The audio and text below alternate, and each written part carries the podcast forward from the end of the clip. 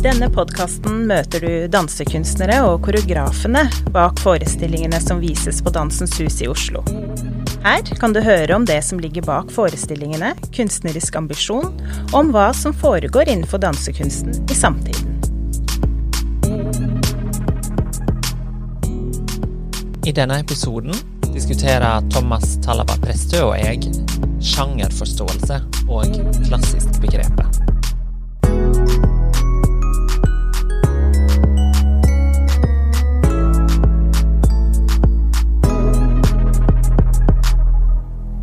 Veldig hyggelig at du er her, Thomas Talva Prestø, som er kunstnerisk leder og koreograf på Tabanka Dans Ensemble. Du jobber òg som mangfoldsutvikler her på huset. Vi skal snakke om sjangerforståelse, og eh, kanskje først og fremst om klassisk og klassisk begrepet.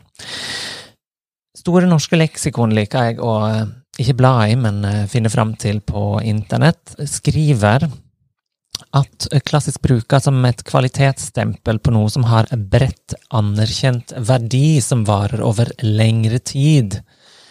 Det betegner en klassisk periode i snevreste forstand.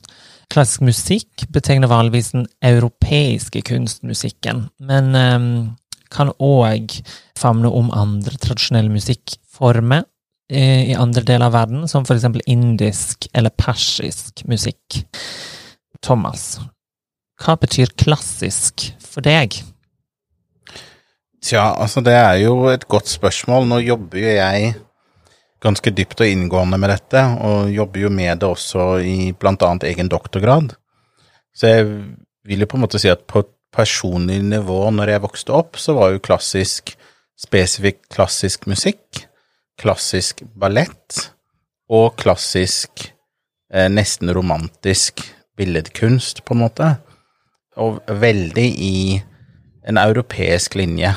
Og så har jeg jo gjennom både min praksis og mine utdannelser har en dypere gående forståelse for hvordan det er et veldig snevert begrep som brukes hovedsakelig på en kulturarv.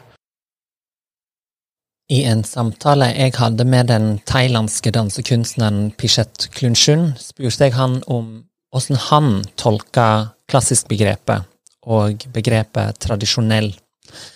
Pichet Klunsjun skaper dans ut ifra den uh, tradisjonelle, klassiske thailandske danseforma kondans.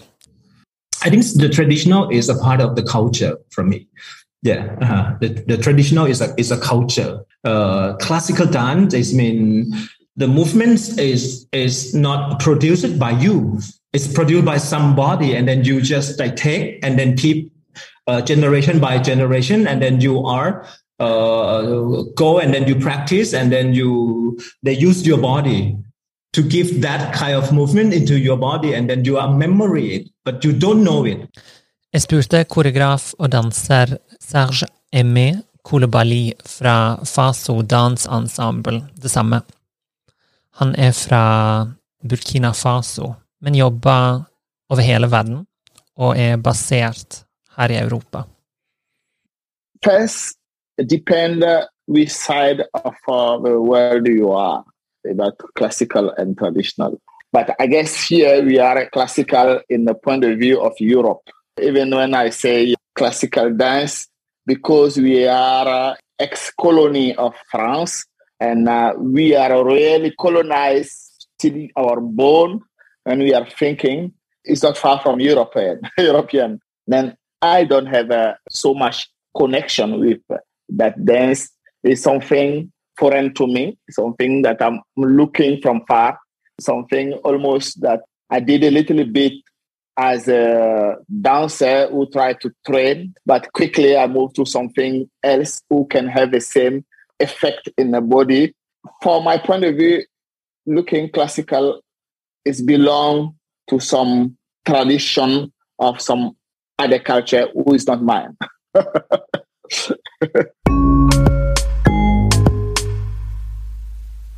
ja, åssen forstår vi klassisk, Thomas? Det snakkes hele tiden om som en veldig sånn universell ting. Ja. Eh, den definisjonen som du leste f.eks. fra de norske ordbøkene, er jo enda mer universell eh, universelt utformet, holdt jeg på å si, enn det selv de engelske ordbøkene vil. For de engelske ordbøkene i en større grad posisjonere det ge geografisk og mm. kulturelt. Mm. Mens den norske sier liksom at det er et kvalitetsstempel på noe som har vist seg å ha verdi over tid. Og da blir det jo også et spørsmål om kvalitet for hvem, mm. verdi for hvem. Ja, nettopp. Og da må vi jo òg forstå åssen vi forstår kunst, og hvem som bestemmer åssen vi forstår kunst. Og det er jo da institusjonene, og primært institusjonene i Vesten, som får lov til å avgjøre hva som er høy eller lav kunst. Altså hva som får være klassisk, eller blir sett på som eh, klassisk med et positivt fortegn. Hva tenker du om dette, Thomas? Det ligger jo også på en voldelig linje. altså Det er ganske mye vold involvert i hva som får være, og hva som ikke får være kunst, osv. Hvor vi må ikke glemme at dette også er definert gjennom krigføring, gjennom eh, kolonialisering og andre ting. Jeg føler at det er viktig å på en måte holde det litt i syne. For veldig ofte så snakker vi som om det er et slags nøytralt møte, og det også er en nøytral diskusjon. Men dette har vært en uh, diskurs på globalt nivå med livet til spill. Uh, og det er viktig å huske på for å forstå også hvorfor det kan være litt steile fronter. I min samtale med Serge Aimé Kolobali spurte jeg han om hvordan han forstår det klassiske eller tradisjonelle i Burkina Faso. Jeg var òg interessert i å høre om han var forma dette her i sin dansekunst og koreografi. Hvordan dette blir eh, sett på i Vesten og på europeiske scener. Og hvordan det blir forma av det vestlige blikket. Classical. That's, uh, that's where uh, uh, the colonization uh, come in. Because I'm sure, like when you say music, for example, music, I will, uh, I can point you straight what we call classical music in West Africa. And then, of course, it will not be called classical music in, in, in West, but uh, we call it classical music. And then because it's connect to the past, to something that's been done for uh, like years and hundreds of years, and then remake re-change, rebuild, and then we have a strong history of uh, music, classical music in uh, uh, in West Africa. So I'm sure that in dance also we should have that also. we but we don't call it like uh, we will call traditional dance or uh, folklore or uh, we will call the way of the colonizer will call it. somehow because that's why I'm like we are really colonized uh, because in some part the influence of everything is really strong of who decide to put it where. Traditional dance today, for example, is really still uh, strong in uh, all part of uh, Burkina Faso, in a village, in uh, cities, in uh, so and then so you have also the contemporary dance really strong. And for example, in Burkina Faso, we really say, I'm doing contemporary dance. So when somebody say that, you know exactly what kind of dance is doing. You know that it's not traditional dance. But the same contemporary dance that this guy is doing when he's in Europe, most of the time Europeans see the traditional tradition in that contemporary dance, you know, because it's some form that they don't know, they don't understand where it's coming from. But when something don't look like what we used to see in Europe, then is a tradition. So there is a, a big lack of knowledge of uh, what's going on in Africa in general. For example, me, I almost I never trained in traditional dance, but like all the time when performing in Europe, they will like, ah, yeah, I like the part of the traditional dance when you are doing that. So you mix uh, all these two dance together, how you do, because Africa somehow sometimes is like a, a, a, big, a big black box that uh, and with one thing and one thing. People don't see it as uh, different layers of uh, tactics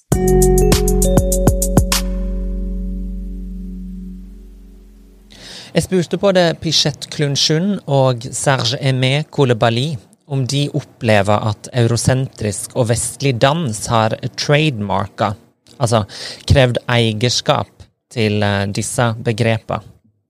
Yeah, we, we, because we use the English language. Because because we have we have a, a technical term of, of the name of the, the classical. But we, when we use the the, uh, the, the international language, and, and then that's why people think when we when talk about uh, classical, people think about classical ballet. Uh, but sometimes I feel it it's, it doesn't fair. So the language produces this barrier. Uh, yes, absolutely. Yeah, yes, absolutely. This is this is this is I think uh, happened from uh, colonialism. It starts from that time. Yeah. The world is still owned by the ex-colonizer of the world, because the West actually went to colonize everywhere in the world. Somehow, it's like uh, the center of the world is in Europe. Uh, yeah, even the, uh, the world is round, so everywhere is the center, but it's not true. Because uh, when a, a, way of seeing things, of doing things, don't come from Europe and they come from somewhere, it's, it's not like a valid, it's, a, it's, it's something else on the side.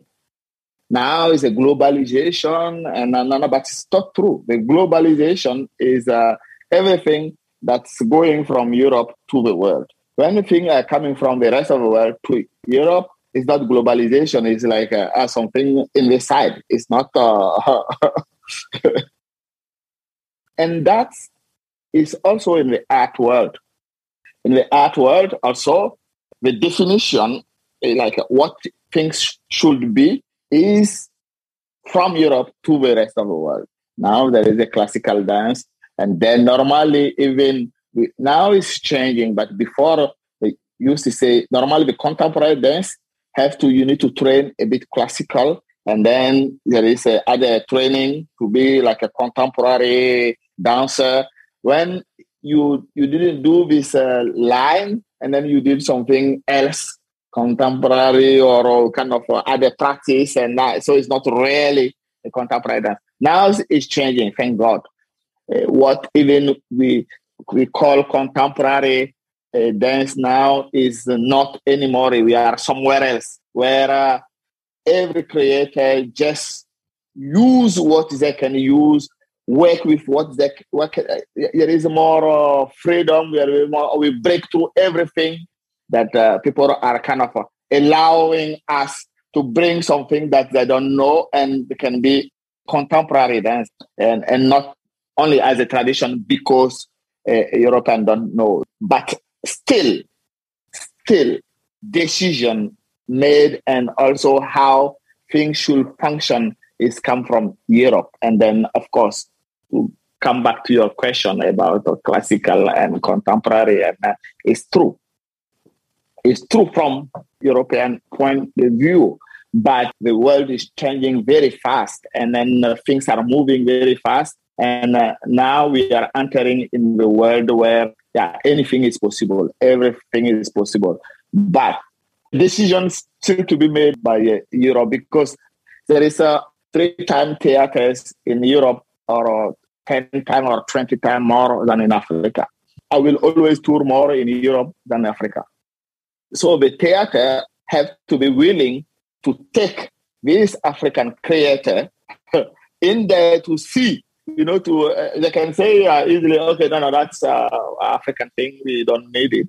But uh, but luckily, it's not like that. A lot of there is a lot of curiosity about uh, how can we influence each other. How what make I can bring, for example, to Oslo that will uh, impact the way of living and seeing dance in Norway.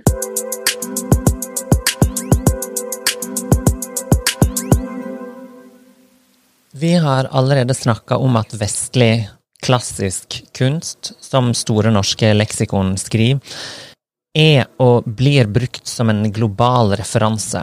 og at dette får noe å si om hva som blir vurdert som god kunst og ikke. Er dette en form for eh, kolonialisering av kunsten, Thomas? Ja, altså estetikk, både estetikk og aestesis, altså aesthetics og aestesis. Aestesis er hvordan vi sanser ting, eller hvordan vi opplever eller føler ting.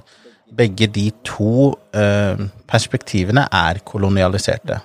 Så estetikk i seg selv, måten vi forstår estetikk, og hva vi forstår det til å være, er i seg selv kolonialisert og er hegemonisk. Så, så dømmer vi alle andre ut fra de kriteriene.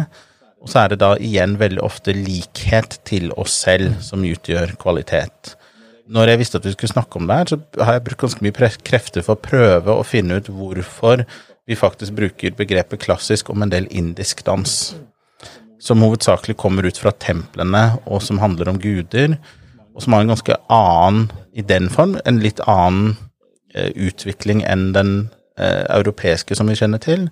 Men det er jo også indoeuropeisk kultur som er den som opprettholdes mm. i Europa, og det er viktig å ikke glemme, men også da hvordan begge er ganske vertikale, begge er, har et vektbruk som er, som man sier, er lifted.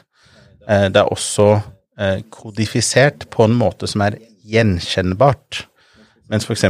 mye afrikansk dans eh, og musikk, som er den tradisjonen som jeg jobber i, f.eks., så evner ikke Laban-notasjon og vestlige noteringssystemer å notere polysentrisk dans.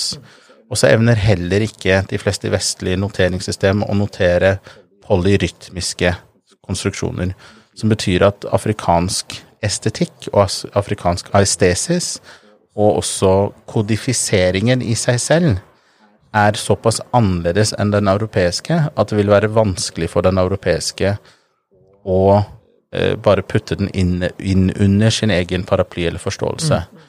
Og da lurer man jo også på om det er noe av grunnen til at man ikke vil eh, bruke samme beskrivelse, ikke sant. Hvis man mener det sto f.eks. at klassisk dans is defined by grace, precision of movement and elaborate formal gestures. Men hvis man ikke da anser det europeiske blikket, ser ikke på afrikanske bevegelser som verken formelle eller graceful eller precise, så vil jo det falle utenfor. Mm. Selv om hvis man utøver det, så vet man hvor ekstremt presist det er, og eleganse, hva som er elegant og hva som ikke er det. Eh, og jeg har begynt å si at vår dans er sfærisk. Altså, vi jobber i sfærer, mm. ikke i linjer. Eh, så det er tredimensjonalt, mm. Som gjør at det motstår en del av disse silhuettaktige tilnærmingene. Ja. Um, hieroglyffer versus bilder, nesten, hvis man skal si det sånn. Uh, og det gjør jo at mye, mye tror jeg er tapt i oversettelsen. Absolutt. Uh, og så er spørsmålet om det i hele tatt skal være en kamp og skulle bli kalt klassisk. Mm. Er det noe man ønsker? Fordi defineringen i seg selv gir ikke nødvendigvis mening. Fordi det er også du har klassisk ballett, og så har du moderne dans som presser vekk fra eller bryter med klassisk ballett, og så har du postmoderne som bryter fra moderne, og så har vi det vi kaller samtid her ofte, som ikke bare har blitt Mange sier at å, nå har det blitt den estetikken og sånn, men det har egentlig alltid vært det. Fordi det har, det har vært i dialog med noe. Dansens Hus podkast er en inhouse-produksjon laget av formidlingskonsulent Jonas Øren. Musikken er skapt av Bassmo Beats, og mitt navn er CC Kolstad.